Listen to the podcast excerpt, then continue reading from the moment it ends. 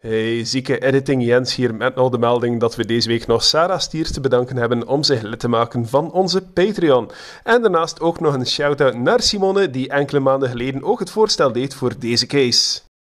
Hey, dag beste luisteraars. Dit is Copyright Jens. Voor we de aflevering invliegen, wil ik even benadrukken dat we in deze aflevering zullen refereren naar audio- of videomateriaal dat we zullen afspelen in de aflevering, maar dat jullie niet meer zullen horen.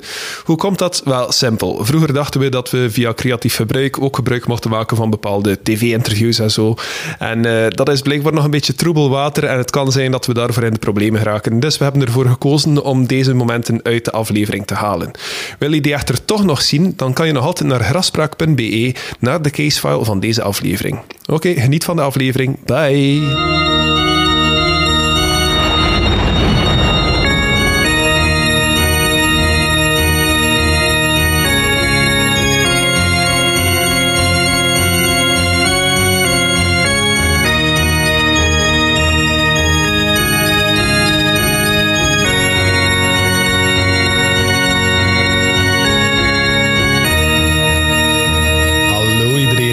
Welkom bij Grafspraak. Hey. Ik ben Jens. En mijn naam is Niki.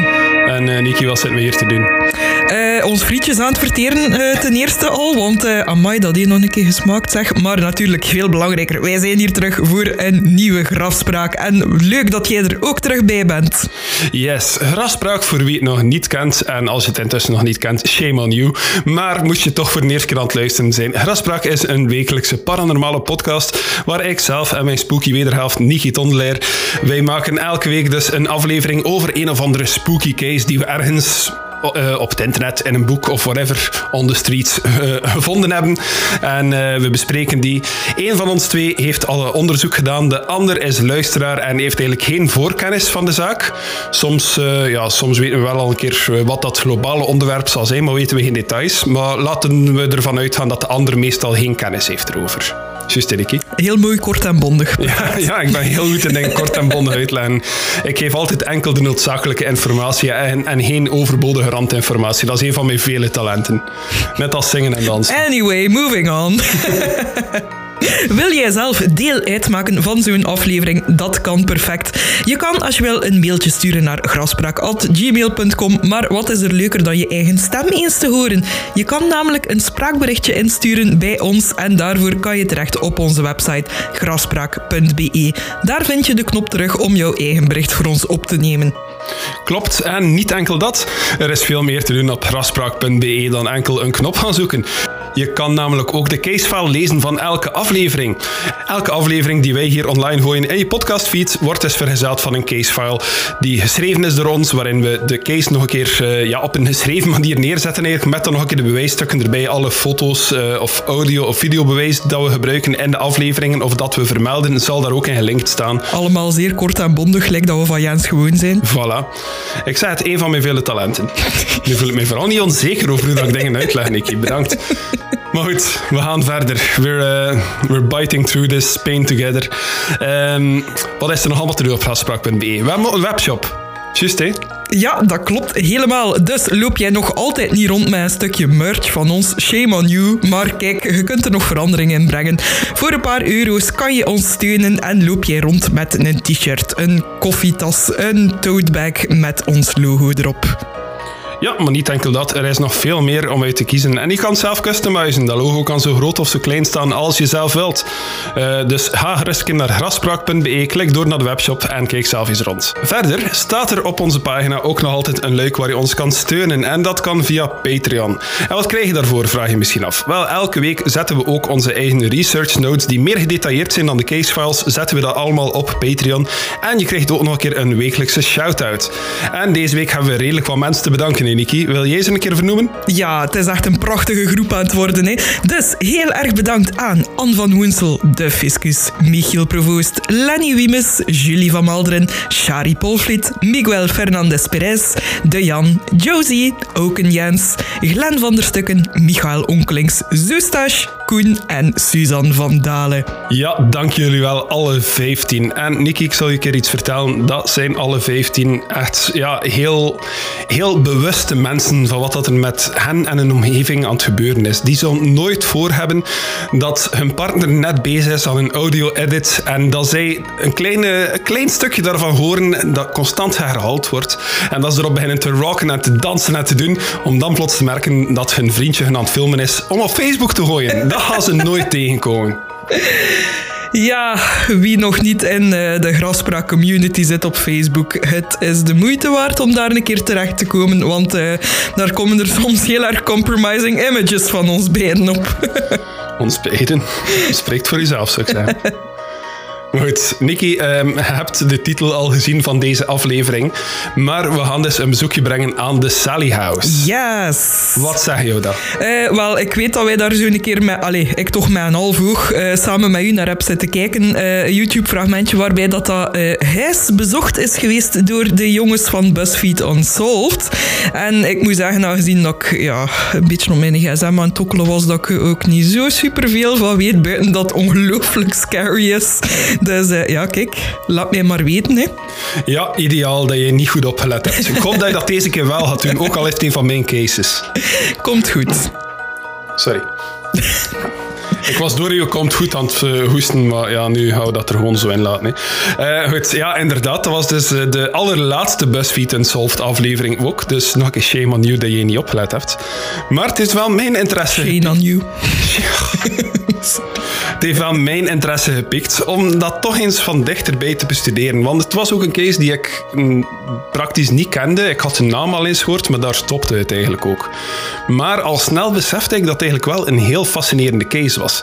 Want niet enkel gaat het om een heel boeiende haunting, maar er is ook heel wat bewijs die eigenlijk aantoont dat die mensen misschien dachten dat ze met een spook leefden, maar dat het misschien iets veel duisterder en krachtiger dan dat was. En dat gaan we vandaag allemaal bekijken.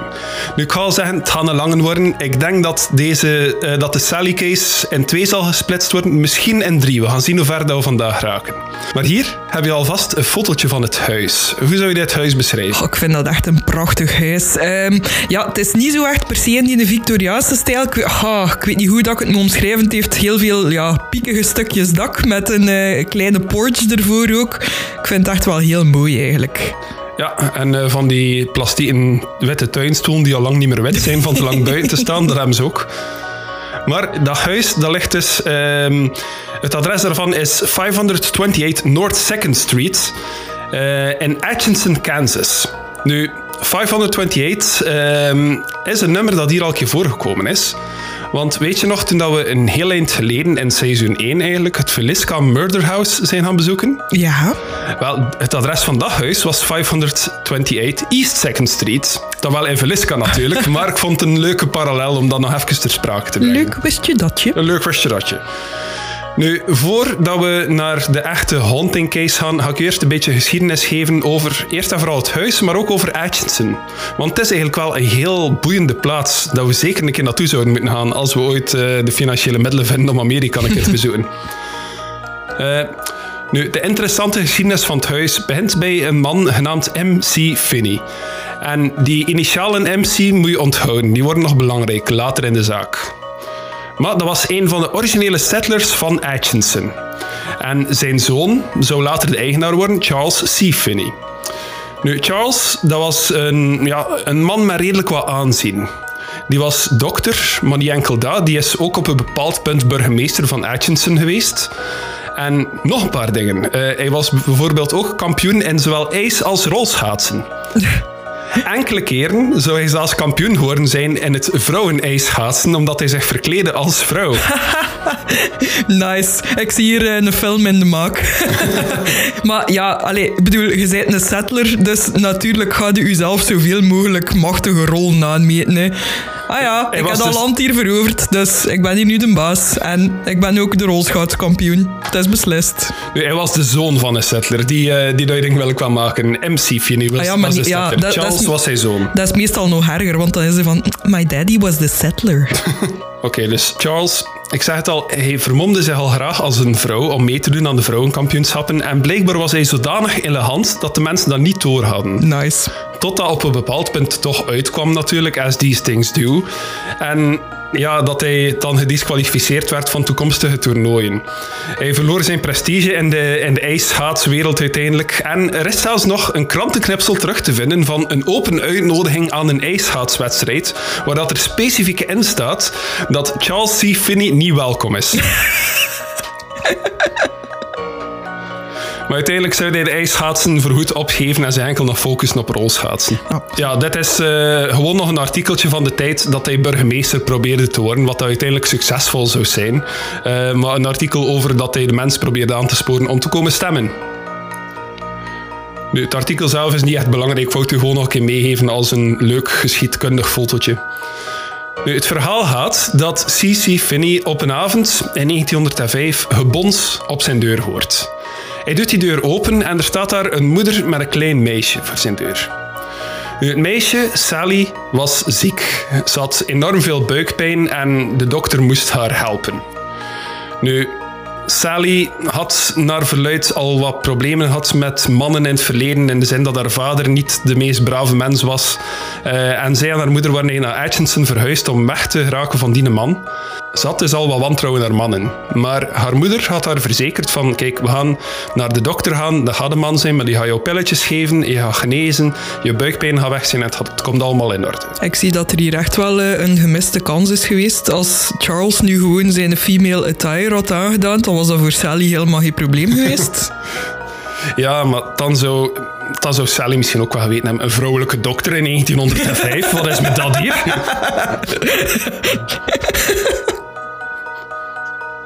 dat is ook nooit goed voor die settlers, hè. Sally was misschien acht jaar, maar ze was niet dom. oké? Nee, Maar ik, ze was duidelijk ook niet eh, open-minded. nee, ik weet niet of dat er eh, vrouwelijke artsen waren in 1905. Laat ons hopen van wel, maar ja, ik, ik weet dat de geschiedenis vrouwen niet altijd eh, even eerlijk behandeld heeft in het Westen. Oh, niet alleen maar de geschiedenis, hoor. Maar dat is een andere discussie. Moving on. Plots verandert de podcast volledig van onderwerp. Maar dus, de dokter die bestudeert Sally en die merkt van oei, die heeft hier echt acute appendicitis. Haar appendix staat op springen, ik moet haar dringend opereren. Hij nam haar mee naar de kamer weg van haar moeder om haar te opereren. En blijkbaar was hij een beetje te enthousiast in die operatie. In de zin dat Sally plots wakker werd uit de verdoving, die niet correct of te weinig of whatever werd toegediend. En dat het laatste dat Sally eigenlijk gezien had een man was die boven haar stond met een mes voordat ze zou sterven van bloedverlies. Oh god. Nu, ik zal zeggen, dit verhaal is een van de vele verhalen van een Sally die in dat huis of in de buurt zou gestorven zijn, maar dit is wel het meest courante verhaal. Er is effectief eh, wel een record van een Sally die, in 1905 op dat domein zou gestorven zijn. Maar of dat, dat daarom van een appendicitis, van een operatie of whatever was, dat is onduidelijk. Dus dat wil ik maar even meegeven. Maar als je dat huis zou gaan bezoeken vandaag of je leest erover, is dat het verhaal dat je gaat horen. Ja, dat blijft toch ook altijd een van mijn grote worries als ik zo nog een keer onder eh, volledige narcose moet gebracht worden. Ik hoop altijd dat die anesthesist eh, goed geslapen heeft de nacht ervoor. Het huis zou tot na het overlijden van Finney in 1947 nog meermaals van eigenaar wisselen. Ehm, en uiteindelijk ja, bleef het bestaan, werd het overgekocht, overgekocht, overgekocht. En uiteindelijk eh, was er mens die dat huis begon te verhuren. Ehm, en in 1993 werd het gehuurd door een koppel genaamd Tony en Deborah Pickman. Nu, al snel zouden de Pickmans merken dat er eigenlijk meer aan de hand was in dat huis. Zaken zoals elektrische apparaten die te pas en ten onpas aan en uitschieten, eh, foto's die op hun kop gedraaid werden, speelgoed dat verplaatst werd doorheen de kinderkamer van hun pasgeboren baby. Kortom, er gebeurden van alle rare activiteiten die in het begin misschien wel als onschuldig konden gekaderd worden, maar die na verloop van tijd zelfs meer gewelddadig zouden worden. Meestal met Tony als slachtoffer. Ja, sorry, maar ik, eh, ik zou dat al niet direct onschuldig vinden. Hè. Als ik hier iets uit zijn eigen zie beginnen gaan, I'm moving the fuck away. Wel, een keer dat ik meer in detail ga gaan van het verhaal, zou je misschien wel inzien welke zaken dat in het begin nog als onschuldig werden gezien, maar als, ze zouden het wel rap doorhebben. Hier kunnen we het nog op de katten steken als er zo'n keer een vreemd geluid is. Allee ja, als ik in bed lig, van, het zal de kat wel zijn. Of Jens zit beneden te gamen. Ja, maar dan had je toch zo dat klein stemmetje van... Zou het wel de kat geweest zijn? Maar als de kat niet was... Misschien zit er hier een kat dat niet van weten. You never know. Anyway, naast dat gewelddadige en die elektrische apparaten en die foto's en dat speelgoed, zouden er soms ook brandjes ontstaan in het huis zonder duidelijke oorsprong. Wat we later in eh, deel 2 of deel 3, afhankelijk van hoe ver dat we in deel 1 gaan, eh, zullen zien, is dat er ook een aflevering van een onderzoeksprogramma, Sightings, is gemaakt, waarin dat we zelfs zullen zien dat er bij Tony een krapletsel ontstaat uit het niets. En we zien een, ja, er wordt een beetje doorgeskipt in de aflevering, maar ze hebben effectief wel de continuous footage van zo acht minuten aan een stuk dat er op diezelfde plek op zijn lichaam gefilmd wordt en dat je dat krapletsel ziet ontstaan. Oké. En daarbij zou ik zeggen, tijdens die opname, ze zijn daar een paar keer langs geweest, sightings. En om, om echt duidelijk aan te tonen van ik ben dit niet zelf aan het doen, eh, zou Tony tijdens die opname dus al zijn juwelen, al zijn ringen en zo afnemen, alles dat hij zichzelf mee zou kunnen krabben.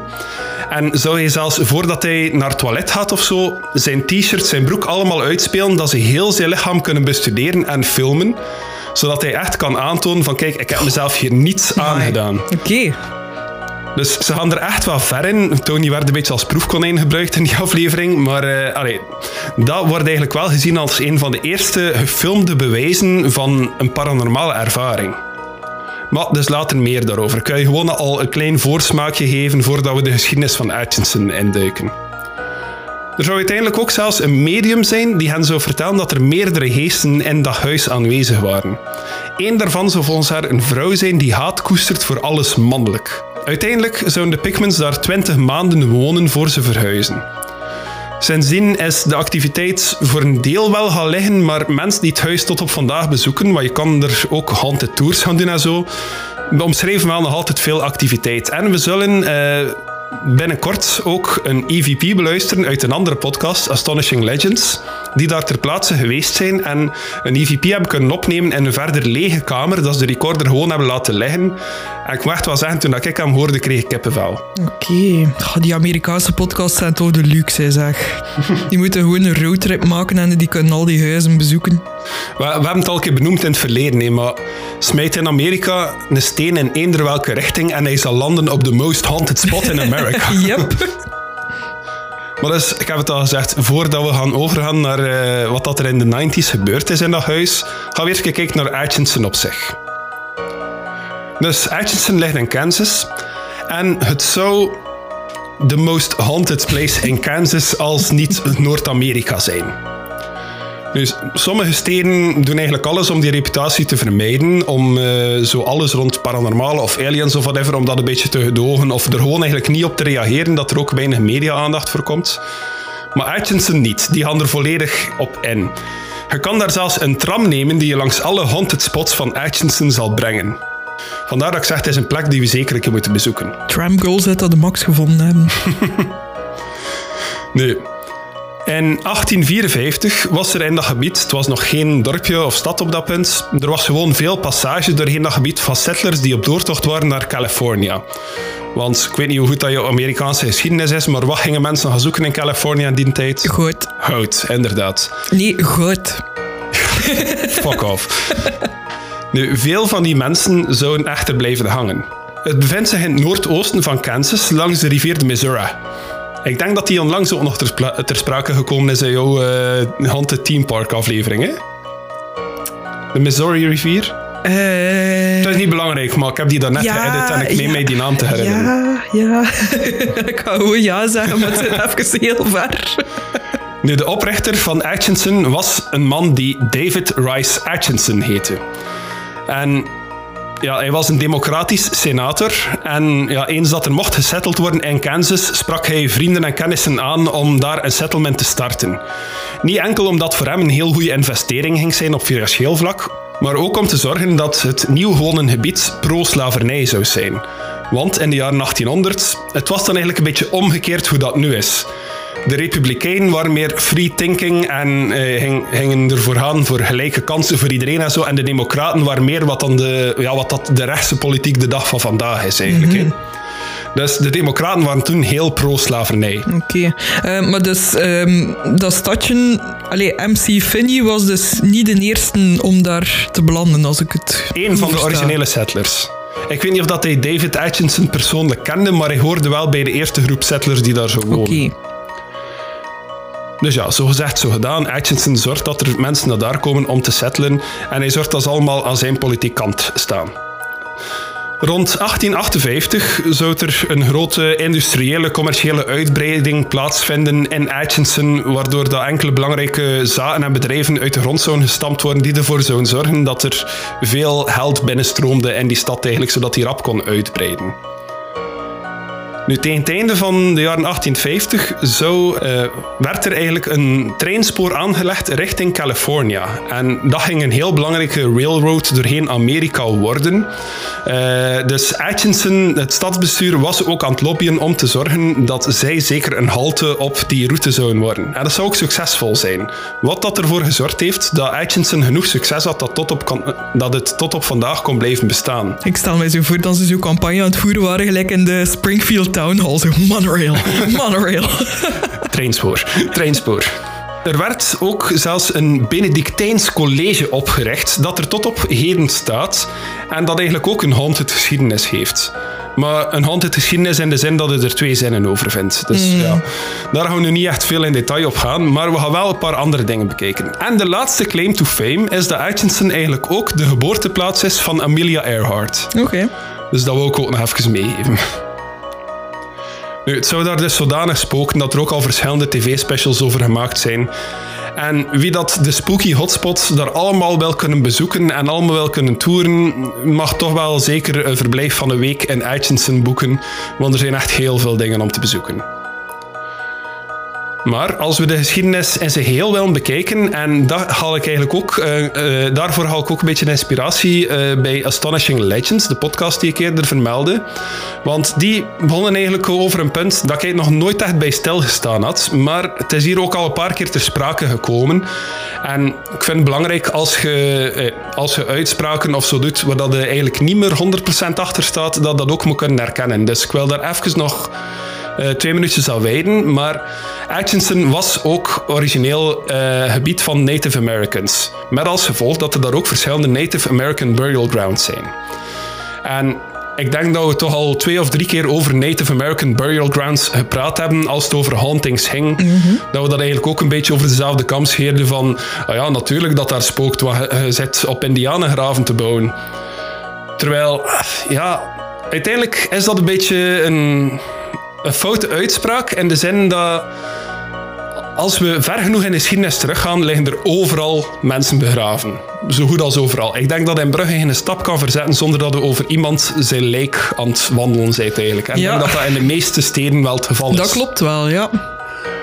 En ja, de Native Americans, oké, die hebben hun eigen spiritueel geloof, maar dat had vrijwel elk volk in de geschiedenis. Net zoals de mensen hier in België, net zoals in Frankrijk en Nederland en eender welk land dat je maar kunt benoemen, is er een andere vorm van spirit, uh, spiritualisme, religie, paganisme zelfs. En vandaar dat ik toch wel even die bedenking wil meegeven van oké, de Native Americans lagen daar inderdaad wel begraven, maar uiteindelijk waren dat mensen. Dat waren mensen gelijk jij en ik. De een was gelovig, de ander was dat niet. En allee, om daarom te zeggen dat een Native American burial ground al meteen haunted zal zijn, net omdat zij een spiritueel kantje hebben, is misschien wel ergens naar Native Americans toe een beledigende statement. Dus van daaruit wil ik gewoon even zeggen van... Dat was iets dat ik al een paar keer te sprake gebracht heb in deze podcast, maar nooit echt bij stilgestaan had. Ja, absoluut. Ik geef u daar gelijk in. En ik ga niet ontkennen dat die grap wel op het puntje van mijn tong lag voordat hij zo mega serieus begon te vertellen erover. Dus uh, allee, ik ga er zeker niet meer over beginnen nu. maar, uh, allee, ik denk, allee, of ik hoop toch dat de mensen die ons nu al een tijdje aan het volgen zijn, weten dat wij daar ook wel met alle respect over praten. Over gelijk welke overtuiging dat iedereen heeft. Hè. Ja, uiteraard. Ja, ik wou dat gewoon een keer meegeven. Ik vind het belangrijk om je eigen fout nog te kunnen herkennen. Dus bij deze. Ja, ja. Kun je dat? soms. Als het niet over het huishouden gaat. Anyway, dus de naam Kansas komt eigenlijk ook van de Kansa-Indianen die daar woonden in die periode. En ey, er zijn verschillende ehm, geschiedkundige bronnen. De een zegt dat ze echt op Atchison woonden, de andere zegt dat ze er 10 kilometer van woonden. Het is nu ook onduidelijk waar dat die exact gelegen waren, maar er zouden dus wel begraafplaatsen verstoord zijn geweest bij, eh, bij de settling van Atchison. Het punt is dus wel, eeuwenlang hebben er daar mensen gewoond in dat gebied, lang voordat de eerste blanke mensen daar waren. Maar Atchison zou van het begin van de Amerikaanse geschiedenis eigenlijk al relatief belangrijk zijn, omdat het ook een van de plekken is dat Lewis en Clark in hun eerste expeditie in gepasseerd zijn. De heuvels die, eh, die het gebied omringen, werden ook gebruikt als begraafplaatsen voor de natives. Ze zouden daar dan een grote leistenen slaap zetten eigenlijk om de begraafgrot of whatever eh, af te dekken. En als de eerste settlers daar komen, zouden ze diezelfde leistenen eigenlijk voor zich nemen, in stukken hakken en daar hun gebouwen van maken. Of course. Maar er zijn dus wel mensen die geloven dat het verstoren van menselijke restanten voor ongeluk zorgt. En ik heb het zelf nog nooit echt gedaan, dus eh, ik, ga, ik ga niet zeggen dat het daarom niet zo is. Maar ik denk dat de algemene regel van don't fuck with the dead eigenlijk wel één is dat je mag volgen voor de rest van je leven. Goh, wij, ja, Ongeacht bijgeloof. Ik moet zeggen, ze zijn nu al een jaar lang naast onze Lieve Vrouwkerk in Brugge daar eh, het straat aan het openleggen. Dat is al de team archeologen en ze leven nog allemaal, dus uh, allee ja. Misschien ook nog een belangrijk punt om eh, mee te geven, is dat naast het feit dat eigenlijk eh, enigszins beledigend is om te zeggen dat die burial grounds haunted zijn, dat er eigenlijk ook maar één manier zou zijn om van die vloek af te geraken. En daarvoor heb je een native healer nodig. En native healers die zijn vrij zeldzaam. Ik denk dat de meeste Amerikaanse mensen eigenlijk geen Native Americans kennen, laat staan een healer. En meestal worden die healings of die cleansings dan uitgevoerd door een blank persoon die ergens een keer een weekend een cursus gedaan heeft en beweert om 1 nach 10 de Cherokee te zijn of zo. En die komt dan met wasali rondzwaaien en een dansje doen. Ik Dus, juist zeggen, zo, your basic white girl, dat we dus een keer met sage rondgaan. dus naast de beledigende statements zei dan ook nog een keer cultural appropriation. Die tangent even terzijde. Ehm, er zijn dus wel heel veel haunted plekken in Atchison. En we gaan er een keer een paar van bekijken. Allereerst is er Atchison Street. Nu, dat is een straat die eigenlijk ehm stijl omhoog loopt. Of omlaag, afhankelijk hoe, dat je, hoe dat je ze bekijkt. Aan welke kant hij staat. maar als je omlaag... Kort en bondig. Kort en bondig. Je wilt die straat echt niet doen als je daar in het midden woont en met je fiets naar je werk moet gaan. Tenzij dat het werk beneden is. Ja, maar dan moet je s'avonds weer naar Ja, dat is ook waar. Maar dan neemt de hond de tram, hè. Nu, die, die straat loopt dus bergaf richting de Missouri-rivier. Lang geleden zouden de locals de ferry nemen vanaf onderaan die straat. En een verhaal dat eraan vasthangt is dat er een vrouw in een koets de controle zou verloren zijn over haar paarden. Die koets raakte los en ze rolde bergaf het ijskoude water van de rivier in. En haar lichaam werd nooit teruggevonden. En de paarden? Zijn de paarden oké? Geen idee. Maar tot op vandaag spreken mensen over een vrouwenstem die hen tot in het water probeert te lokken. En paarden gehinnik. En paarden. Hinnik. Dat is een moeilijk woord voor West-Vlaming. Hinnik. En dan over moeilijke woorden voor West-Vlamingen gesproken. Heb je ook nog de Gargoyle Home? Go- Spreek jij dat woord een keer uit, Nicky? Gargoyle. Gargoyle. Gargoyle home. Gargoyle Home. Anyway, ik heb hier een foto van de Gargoyle Home. Oh, ik wil het. Nu, je kan het misschien niet direct zien waarom het eh, die naam heeft. Maar eh, op de volgende foto ga het wel duidelijk Ik wil het nog meer. Omschrijf het huis een keer. Oh, het is echt een van de mooiste Victoriaanse huizen dat ik al heb gezien. Het is echt zo, ik denk dat het gelijk drie verdiepingen heeft. Het is echt zo vermilion red bricks met dan zo'n zwarte dakpan. Ik weet niet hoe schoon wit houtenwerk er rond. En en, oh, it's everything. I want it. Nu, het heet dus de Gargoyle Home omdat er eh, helemaal bovenaan het dak staan er twee waterspuwers. Maar zo niet zoals dat je ze op de Notre Dame zou zien, maar ze hebben een meer, ik denk een meer oosters geïnspireerde tent. Hè? Ja, het zijn zo, die, die hoofden zijn zo gelijk een beetje zo... Goh, bijna jakhalsachtig zo, maar dan met zo'n drakenlijfje een beetje. Ja, als ik ze zou zien, zou ik eerder aan draken denken dan aan gargoyles. Maar ho. Maar ho. Maar ho. Maar ho, Nicky. Nu, het Gargoyle... Welk huis? de, dat huis is dus bekend als het Wagnerhuis. En dat is vernoemd naar een advocaat slash politieker die het huis liet bouwen in 1885. Nu, we hebben de twee op het tak al gezien, maar er staan nog een paar waterspuwers rond het huis. En volgens de legende had Wagner een pact met de duivel gesloten om rijk te kunnen worden. De waterspuwers die waren er om dat pact te eren. Het huis zou sindsdien ook vervloekt zijn. Een eigenaar die de waterspuwers wou weghalen, zou ook tot zijn dood gevallen zijn van de trap. Maar het huis is wel privé en tot op vandaag bewoond. Dus er is weinig bewijs van het paranormale terug te vinden online. En ze laten ook geen tours toe of zo. Er staat zelfs een plakkaatje vooraan van This is private property, do not go past this border, bla bla bla. Omdat veel mensen toch een keer naar, naar de buitenkant komen om te filmen of een foto te nemen. Dan is er ook nog Jackson Park. Dat is een park dat zou bespookt worden door een zekere Molly. Nu, Molly was een knappe jonge dame die dood werd gevonden na haar prom. Ze was opgehangen aan een boom in gescheurde kledij. Dat zou gebeurd zijn na een discussie met haar date na de prom en die date liet haar achter in dat park. Het kon nooit bepaald worden of dat een moord of zelfmoord was. Dat is niet de enige Molly-legende. Want er is nog een andere en die spreekt dan weer over een zwarte vrouw die gelyncht is geweest in dat park door een groep blanken en die heette ook Molly. Dus het is niet duidelijk wat dan nu de, de correcte legende is, maar wel dat er s'nachts in dat park gekreun en gehil kan gehoord worden van een vrouwenstem. Ja, ik denk als je s'nachts door het Citadelpark loopt, dat je dat ook wat tegenkomt. Dat kan. Naast dat gehil spreken verschillende mensen ook over zwarte schaduwen die in het donker aan de boom hangen te bengelen. Nu, ik heb een film, uh, filmpje gevonden van een reportage die in dat park uh, is gemaakt. Er gebeurt niet echt iets haunted, maar dat ga je de geschiedenis ook nog een keer in het kort weergeven. Om eerlijk te zijn, moest ik een spook zijn, zou ik ook niet veel zin hebben om te reageren op twee Fox Newscasters, maar ja. Dat is ook wel waar. Dan kijken we ook nog in naar North 3rd Street. Daar is er een huis waar er ooit een leerkracht woonde genaamd Nelly Trueblood. Je kan ze hier al zien op foto. Dat is echt de coolste naam ooit. Ja, hè? En jaren voordat die serie uitkwam, wil ik er ook nog bij geven. Nu, ik wil een D&D-karakter dat zo noemt. Nelly Trueblood. Nu, volgens de legende zou Nelly alleen en arm gestorven zijn in dat huis. Na haar dood werd het verkocht en nieuwe eigenaars begonnen te renoveren. De crew die zou constant lichtgevende bollen door het huis zien zweven hebben, die tot op vandaag nog altijd zichtbaar zijn als mensen daar bezig zijn. En op Riverview Drive is er ook nog een huis dat klassieke tekenen vertoont van een haunting. Hoe kan het ook anders?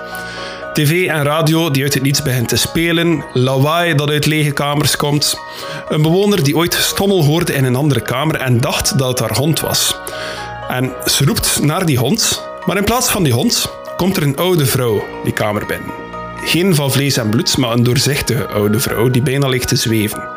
Ze was gehuld in wat dat eruit zag als een lijkwade, een lijkvoile. En ze maakte een plek op het bed effen en ze ging naast die bewoner gaan zitten. Die bewoner, ja, wat zou jouw reactie zijn, Nicky? De. De. De. Ja, oké. Okay. Dus die bewoner had ook zoiets van de. En ze springt recht. Ze loopt uit de kamer, waarschijnlijk een natte vlek achterlatende op die matras. En ze hoorde plots de deur nog achter haar dichtslaan. Verschillende mensen die de nacht hebben doorgebracht in dat huis melden ook dat hun bagage uit het niets van de trap gegooid werd. Of dat ze voetstappen hoorden, dat ze deuren hoorden. Kortom, allerlei rare gebeurtenissen.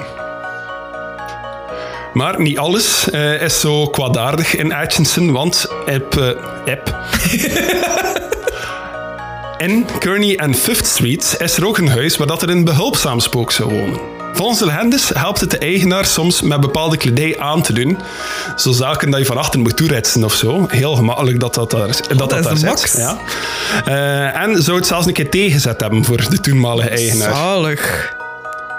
Oh, stel je voor, dan laten ze een badje lopen voor u, dan schenkt u glazen wijn in. Oh. Ik heb hier ook nog een foto van een huis dat bekend staat als de Glick Mansion. De fotograaf vond er blijkbaar niets beter op dan, dat de, dan die foto te nemen van achter een paar bomen, zodat je het huis maar voor de helft ziet. Uh, maar dat is een huis dat gebouwd zou geweest zijn in 1873 door George Washington Glick. Dus niet de George Washington. ik pijs dat hij de kerels overal naartoe... Mijn naam is George Washington. Klik. maar wel een cool huis. Het heeft zo'n basemotel-torentje. Ja, net zoals dat Michael B. Jordan waarschijnlijk ook die een, een paar keer heeft laten vallen in zijn leven. Maar dus George Washington Glick was een Union, een Union soldier, een Union soldier of soldaat in de burgeroorlog. Um, er zou 39 jaar lang aan zijn huis gewerkt zijn geweest. En hij was ook een hoogstaand figuur in de politiek in Kansas.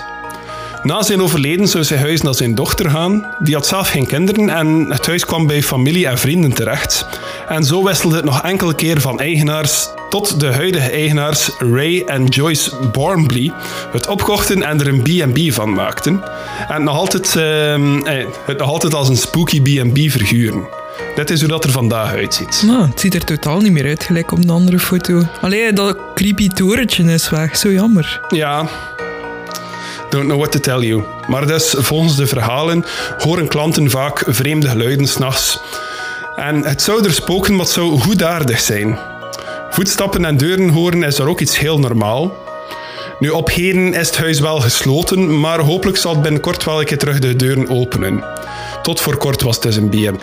Oké, ik ben al sinds dat jij het woord B&B gezegd hebt, ben ik een spooky afkorting aan het proberen zoeken waar dat B&B voor staat. Maar verder dan boe en boe kom ik ik, zat, ik zat net hetzelfde te denken. Boe en Burial Grounds. Het huis dat je hier ziet is de McIntyre Villa. Dat is het laatste dat we gaan bekijken voordat we naar Sally gaan. Dus de McIntyre Villa zou in 1890 gebouwd worden door John McIntyre. En dat was een rijke zakenman. Het huis dat kostte toen 14.000 dollar. The fuck? Nu, ik heb dat proberen uit te rekenen, maar inflation calculators gaan maar terug tot 1913.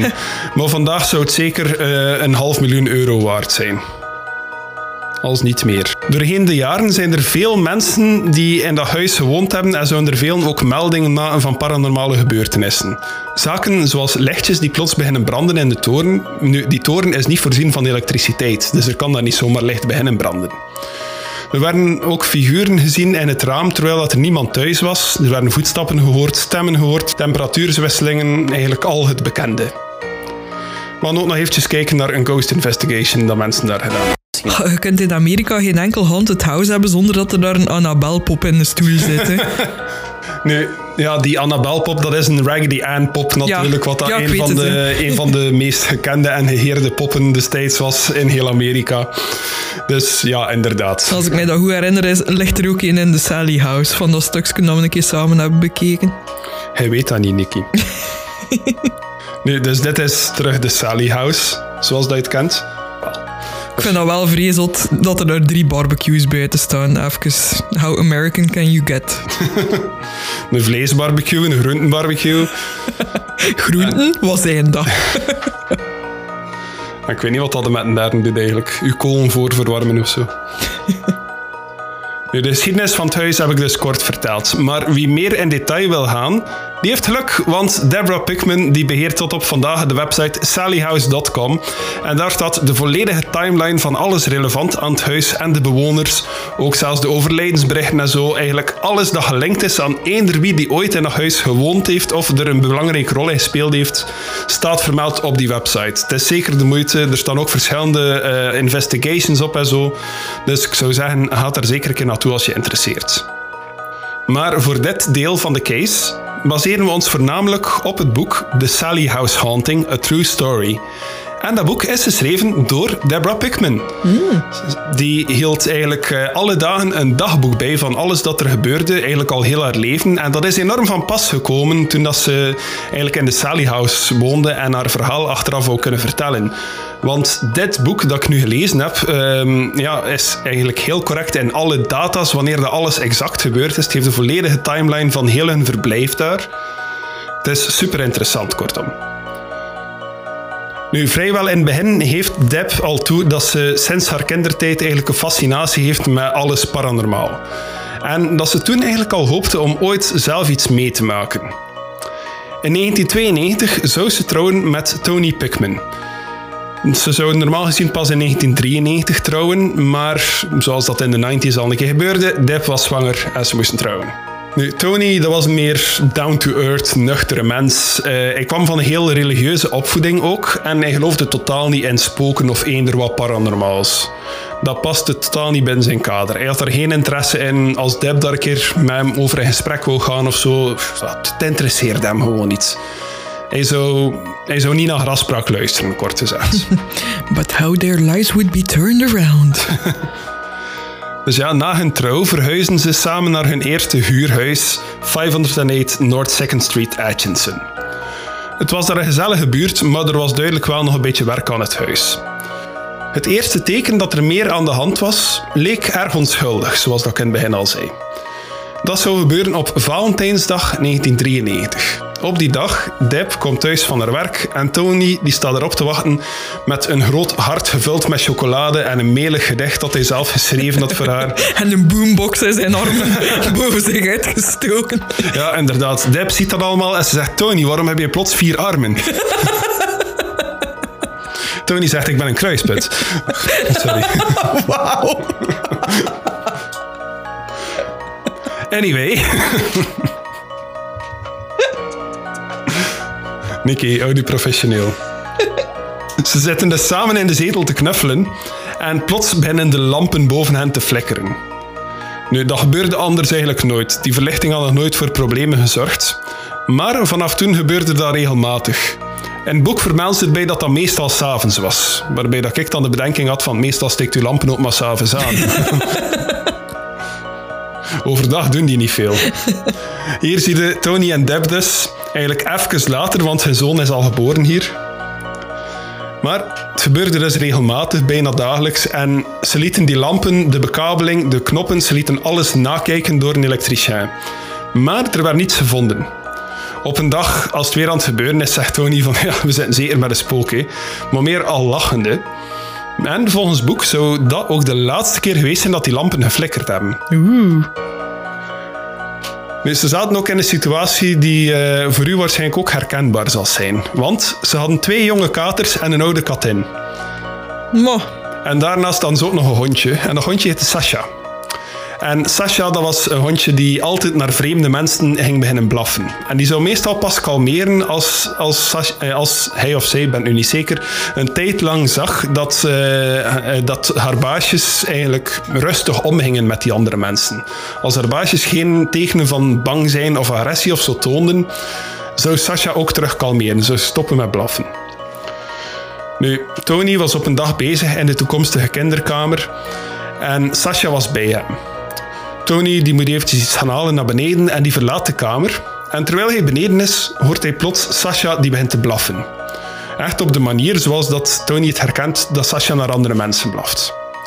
Dus Tony gaat terug naar boven en Sasha staat daar in het deurgat van die kinderkamer zeer defensief te blaffen. Maar er is niets te zien in die kamer.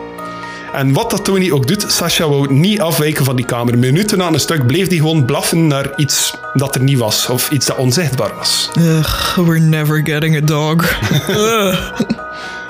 en dit is ook iets dat meerdere keren zou gebeuren en telkens in diezelfde kamer. Sasha had een heel sterke fixatie op die kinderkamer. Had dat ook zo die typische, gelijk in de films, zo die, die ingebouwde kast met zo die heel creepy deuren, dat zo lichtjes open staan, zodat je zeker bent dat er dan een duisternis achter schuilt. Maar ik zal je zeggen, je zal de kamer nog zien. Oh nee, ik wil niet. Maar ik zal wel zeggen, deze kamer wordt een van de meest relevante plekken wat dat de haunting betreft. En Sasha was eigenlijk de eerste die dat zou doorhebben.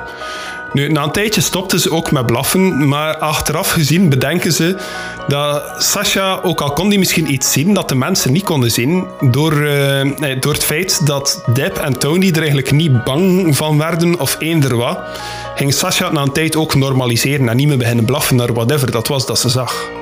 Maar goed, Deborah die begon plots ook cold spots op te merken in het huis.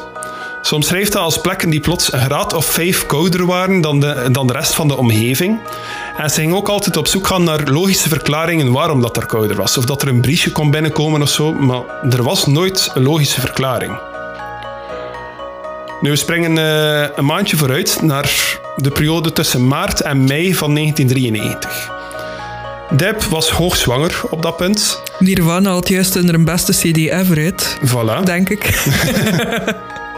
Ik heb er geen idee van wanneer dan Nevermind is uitgekomen. of, eh, of is het een andere serie dat je bedoelt? Want Ja. eh, welke bedoelde? Nevermind. Oké. Wacht, ik ga dat er wel een keer opzoeken. Die zaten wel in de, de heydays van, eh, van de grunge, hè. Mhm, dat klopt. Eh, Nevermind is uitgebracht in 1991, Nicky. Oei, Filistijn. Sorry. Nee, dan is dat jaar waarschijnlijk dat eh dingen is opgenomen. Nevermind. Sorry. Laat maar. Moving on. Bedoelde Unplugged. Ja. Nee, dat was een paar maanden voor zijn dood, denk ik. Dus, eh wat, Nirvana bestond nog. Nirvana bestond nog. Kurt Cobain leefde nog. All was well in the world. Er was zelfs nog geen sprake van Poetin op dat punt. Anyway. Deb was dus hoogzwanger en ze sliep beter in de zetel dan in bed. En ja, dus ze bracht de nachten daardoor en Tony vergezelde haar meestal daar. Ze lieten dan ook de ramen en de deuren vaak open voor de warmte. Omdat in Kansas wel vrij warm kan worden en het was zo'n streek en periode dat niemand zijn deur eigenlijk sloot. Dus ja, ze sliep mee met ramen en deuren open in die periode. Eh mosquitoes be damned. En op een nacht wordt Deb wakker van wat dat ze omschrijft als een bloedstollend gehil, luid gebons en het gevoel dat iets of iemand haar gezicht raakte. Dat was rond 3 uur 30 s'nachts. Ze schiet onmiddellijk in paniek, denkend dat er iemand heeft ingebroken. En ze begint te hellen. Tony die wordt wakker van dat gehil en die begint mee te hellen. Ze zitten er eigenlijk gewoon alle twee te roepen, al weet Tony niet waarom. En hij beseft dat plots van, ja, ik weet eigenlijk niet waarom dat ik dit aan het doen ben. En hij gaat naar Deb om haar proberen te troosten. Nu, Deb vertelt wat dat er gebeurd was. Hey, heel gebons, iets over mijn hoofd. En ze doen de lichten aan om te kijken en ze zien niets abnormaals. Behalve alle drie hun katten, die op een rij zitten, allemaal verstijfd, haren rechtop, allemaal naar die trap aan het kijken. Oh, dat moet voos zijn. Ze gaan naar boven, ze checken alle kamers, ze checken eigenlijk heel het huis. Maar het enige dat opvallend was, was dat boven veel kouder was dan dat normaal, dan dat normaal zou lijken. Want ja, het is nacht, de chauffage staat niet aan. Die heel het huis zou ongeveer dezelfde temperatuur moeten hebben op dat punt. Het kan misschien een beetje schelen, maar boven was veel kouder, zeggen ze. Nu, in de eerste instantie dachten ze van dat gekrijs, dat was misschien onze katten die aan het vechten waren van trap en dat ze enthousiasme over de zetel gelopen zijn en zo Deb haar gezicht geraakt hebben. Maar moest, eh, wij hebben zelf katten. Als onze katten aan het spelen zijn en ze staan een beetje te wild, gaan ze niet alle drie op een rij verstijfd en doodbang zitten kijken in één richting. Nee, die gaan naar elkaar zitten kijken, die gaan wel op hun hoede zijn of die gaan zo betrapt naar ons kijken. Ja, Maar ze gaan daar niet met haren rechtop verstijfd zijn. het zal misschien zo haar persoonlijk een eh, slaapparalyse demon geweest zijn. Dat kan. We gaan dan naar eh, periode juni-juli van datzelfde jaar. En op 18 juni staat Deb te koken en ze zet een timer op op het fornuis. En ze kijkt naar die timer en die is constant van tijd aan het verspringen. Als ze van 8 minuten naar 12 minuten, dan naar 4, dan naar 14. Nee, kortom, ze kost er eigenlijk niks mee aanvangen. Die timer was nutteloos. Nu, ze weet dat aan een, aan mankement en ehm, ze had zo'n eierwekker gaan kopen, zo'n kookwekker. Maar die timer van dat fornuis die bleef raar doen. Soms schoot hij in alarm zonder dat iemand er eigenlijk aan geweest was. Soms zelfs terwijl er al urenlang niemand in de keuken was geweest, ging plots de alarm beginnen afgaan. En bij momenten gebeurde dat zelfs terwijl dat er bezoek was. Dat ze eigenlijk al urenlang niet in de keuken waren geweest. Blijkbaar heeft die hun gasten ook geen drinken, want soms schrijven het wel zo. Ehm, dus er was ik weet niet lang niemand in de keuken geweest en plots gaat toch de alarm van dat fornuis af. Op een dag zei Tony van, ik ga gewoon een keer die stekker uittrekken, want het is mij beu. Ook dat was de laatste keer dat dit gebeurde. Dus net zoals bij die lampen eigenlijk, wanneer dat Tony de opmerking maakte van het spookt hier zeker, nu zegt hij, ik ga de stekker van dat ding uittrekken en dat is de laatste keer dat hij een timer raar gedaan heeft. Nou ja, dat is natuurlijk niet raar. Allee ja, trek een stekker uit, dat gaat natuurlijk geen alarm meer geven. Nee, hij heeft gezegd dat hij de stekker ging uittrekken. Hij heeft Ah, nooit gedaan. Maar ja, Tony is dus tot nu toe al de meest effectieve Ghostbuster geweest dat we al besproken hebben. Hij doet beter dan Heinrich en Hubert. Op 26 juni 1993 wordt hun zoontje geboren, Taylor. Ik heb hier nog een foto van het gezin Pickman enkele jaren later, wanneer dat ze al meerdere kinderen hebben. Nu, Taylor is die, eh, die grootsnier met die sleutel rond zijn hals. Die andere twee eh, ken ik hun namen niet, maar die hebben ook nooit in dat huis gewoond. Het is echt wel your typical American family van we gaan keer allemaal hetzelfde aandoen van kleren en een fotoshoot in onze hoofd doen. en ook allemaal blond, hè. Zo blond of dat maar kan zijn.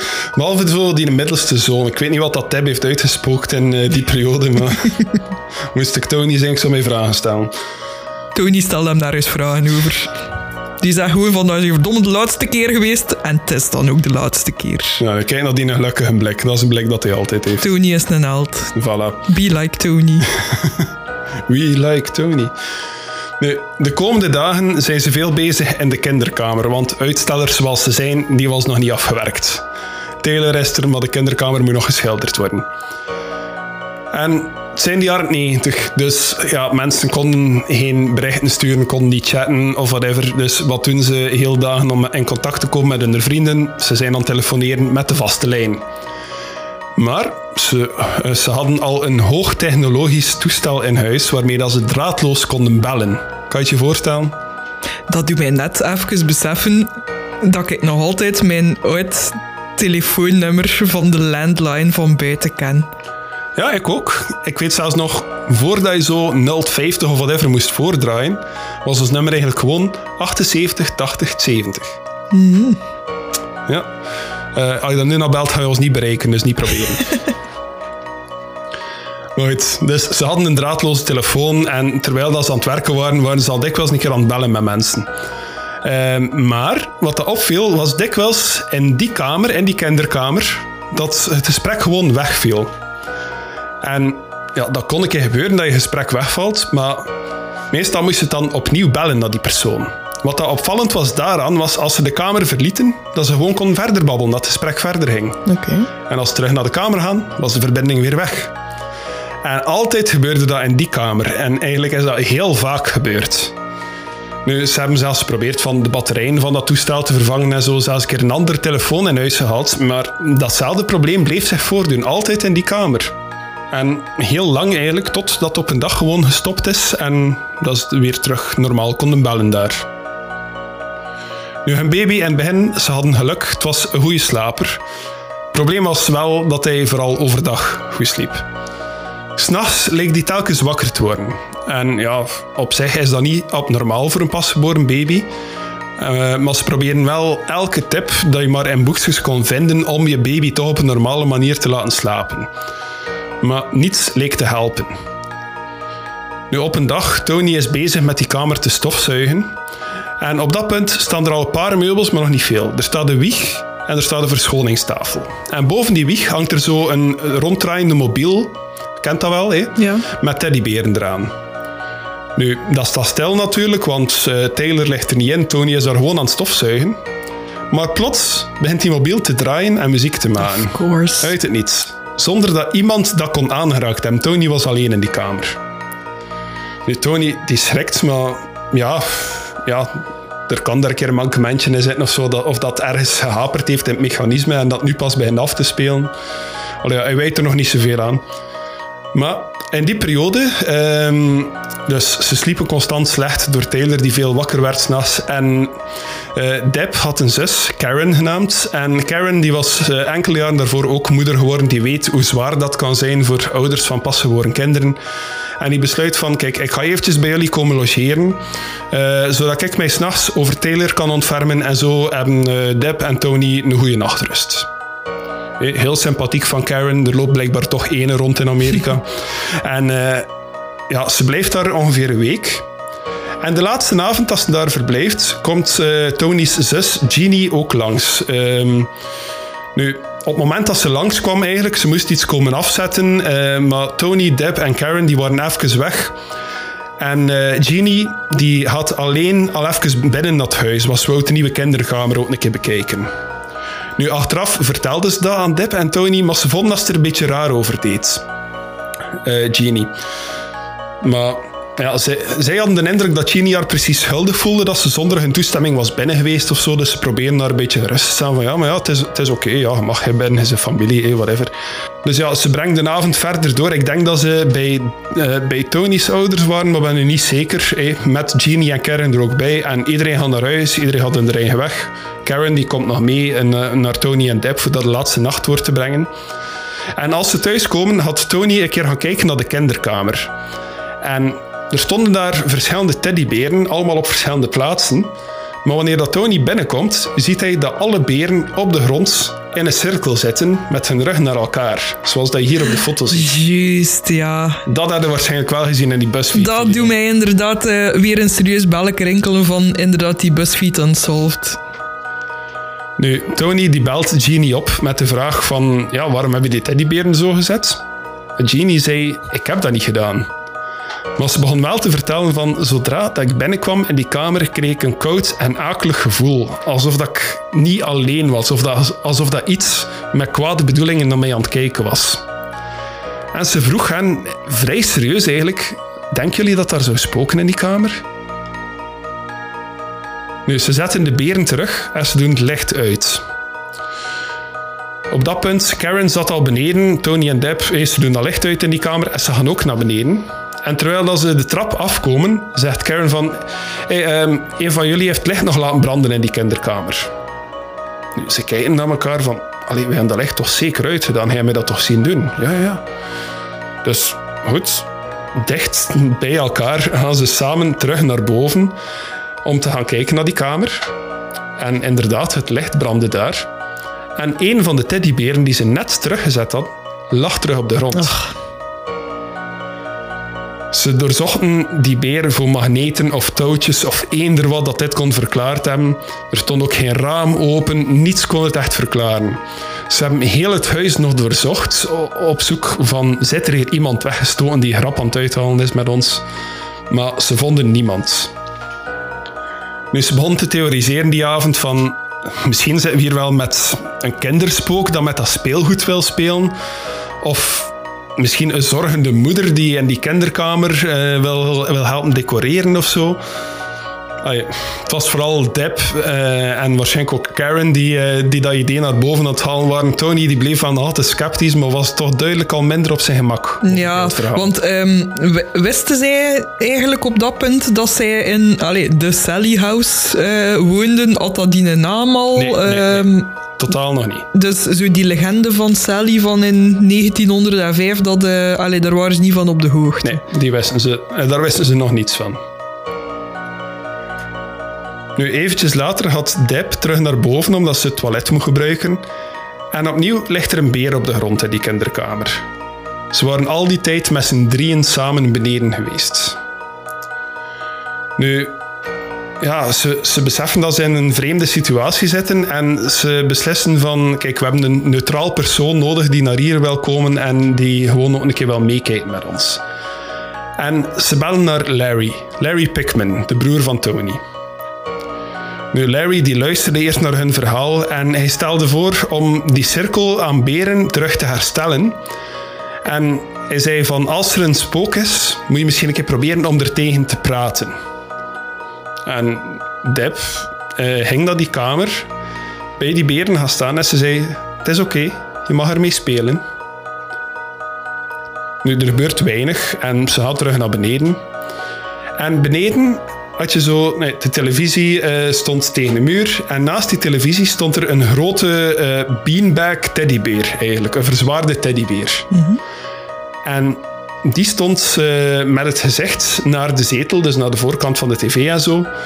Maar wanneer dat ze terug beneden komen, staat die beer gedraaid met zijn gezicht naar de muur.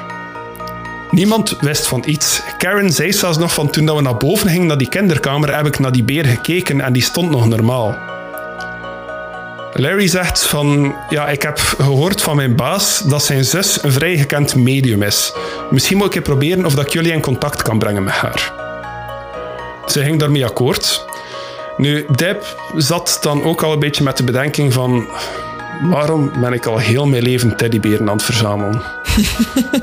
Want ze had al een heel grote collectie opgebouwd op dat punt. En ze had daar plots enorm veel spijt van. dat is zo typisch. Dat ding waarmee dat je begint als je klein bent. Ik had dat met schildpadden. en om de duur krijg je zo voor elke occasion van elk familielid zo een schildpad. ja, Of uw pa met zijn pestdispenser. Pest Ja, met een Z, hè, trouwens. Deb begon ook mental notes te maken van de positie van elke beer die in huis uitgestald stond, zodat ze zeker zou zijn van ik ben toch niet gek aan het worden. Hè. Nu, diezelfde dag zou Tony de tv een beetje proberen te verplaatsen. En vanuit zijn ooghoek ziet hij beweging. En opnieuw is die teddybeer gedraaid. Nu gaan we naar de volgende dag. De dag dat Karen naar huis vertrekt. En na haar vertrek ehm, kreeg Tony telefoon van zijn moeder. En zijn moeder, ja, zij, wist, wist niet echt wat dat er aan het gebeuren was in dat huis. Ze wist niet van de teddyberen of de vreemde toestanden. Maar ze zei wel van, ah ja, ik kende een van de vorige huurders en eh, die vertelde mij ehm, dat haar kind altijd, eh, altijd speelgoed overal er liet rondslingeren. En wanneer dat ik haar daar dan op wees, dan zei hij altijd van, het was ik niet, het was Sally, haar onzichtbare vriendinnetje. En sinds dat ze verhuisd zijn, heeft ze nooit meer over Sally gesproken. Nu, Tony's moeder vertelt dat gewoon een keer terloops eigenlijk. Nu, Tony heeft zoiets van, nee, nee gewoon niet te veel aandacht dat geven. Het zal gewoon wel om toevalligheden gaan of whatever. Nu, Larry, die contacteert eh, intussen zijn baas en die legt hem in contact met zijn zus, Barbara, het medium. Nu, Barbara zou telefonisch contact hebben op dat punt met de Pigments. Maar ze zei dat ze eigenlijk al aanvoelde dat er een jong meisje in het huis zat. En dat die de baby wil beschermen. Ze zei van, het is een kind, dus je moet daar regels opleggen. Bijvoorbeeld, je kan zeggen dat ze het speelgoed mag gebruiken, maar dat ze het terug moet zetten. Nu, Barbara, die deze informatie nog van niemand gekregen had op dat punt trouwens, zei op een gegeven punt ook, ik hoor constant de naam Sally in mijn hoofd. Het was allebei in dezelfde periode, maar niemand had aan Barbara iets gezegd over, eh, over die ervaring van die vorige persoon die daar woonde, over die onzichtbare Sally. Dus Barbara was nog nooit in dat huis geweest, had ook geen contact met iemand die, ermee, eh, ja, die een connectie ermee had, maar kon wel onmiddellijk al de naam Sally noemen. Vanaf dat punt begon Deb ook met Sally een goede nacht te wensen. Nu, vanaf dat punt zouden ze dus ook meer in contact komen met Sally, of Deb toch vooral. En dat contact dat zou wederzijds beginnen worden. En soms ook van de meer agressieve kant. Niet altijd de meer onschuldige speelse kinderlijke kant. Oh no. En wat dat er daar exact gebeurt, Oh no. dat zullen jullie volgende week ontdekken. I knew it. Want laat ons hier deel 1 van de Sally House afronden. Nu, ik zal wel zeggen, het is een uitermate boeiende case. Er is nog heel veel dat op jullie afkomt. Dus luister zeker volgende week naar deel 2, want eh, het wordt spannend. Oh my god, ik ben benieuwd. Wat is je bedenking tot nu toe, Niki? Eh, ik, weird excitement. Allee ja, ehm, als ik het zo mag horen, is het inderdaad wel een behoorlijk berucht huis. Dus eh, allee, ik ben echt benieuwd om te horen welke soort activiteit dat er nog allemaal gaat plaatsvinden. Ja, ik zal zeggen veel. er staat nog veel te gebeuren. Maar ehm, ja, ik hoop dat iedereen nog een beetje op hun excitement kan zitten broeden tot volgende week. Want eh, ik denk dat het met goede reden is dat we deze aflevering een beetje opsplitsen. Omdat anders ook een aflevering van drie, vier uur zal worden, gemakkelijk. En laat ons dat proberen te vermijden. Sta je daar een beetje achter? Niet dat je veel keuze hebt. Ja, ja, ja. het is uw aflevering, hè? Ik doe wat ik wil. Maar goed, bij deze bedankt iedereen om te luisteren vandaag. Volgende week gaan we dus verder. Maar intussen, voor wie meer graspraak wil, die kan naar graspraak.be gaan om daar de casefiles te lezen of merch te kopen of te steunen of gewoon contact te nemen met ons. Het kan allemaal. Waar kunnen mensen ons vinden op sociale media, Nicky? Wel, je kan dat op Facebook, Instagram en Twitter. En ga zeker op Facebook ook eens langs in de Graspraak community. Want wekelijks kan je daar ook jouw bedenkingen geven over de afleveringen die geweest zijn. En ja, in het algemeen praten over de meer vreemde onderwerpen in de wereld. Dat klopt. Nu, Graspraak is te beluisteren op iTunes, op Spotify, op Stitcher, op eender welke podcastplatforms. Uh, de, de meeste staan zelfs op YouTube. Uh, maar waar je ook luistert, geef ons zeker een rating. En als je er rating bij heeft en het is een optie, heeft er ook een comment bij. Die zijn ook altijd zeker welkom. Hoe meer ratings, hoe meer comments, hoe hoger dat wij in de rankings terechtkomen en hoe meer mensen ons kunnen ontdekken. Dus doe wat je kan. Rate, comment, abonneer, whatever. Alles is welkom. Want anders komt Niki bij alles dat een beetje dubbelzinnig kan opgenomen worden. Een opmerking geven en in je oor giechelen. En ja, vermijd dat toch maar. Dus geef alsjeblieft die rating, die comment of de, de abonnementje. Goed, dit was Graspraak voor deze week. Bedankt om te luisteren. Bye. Yo.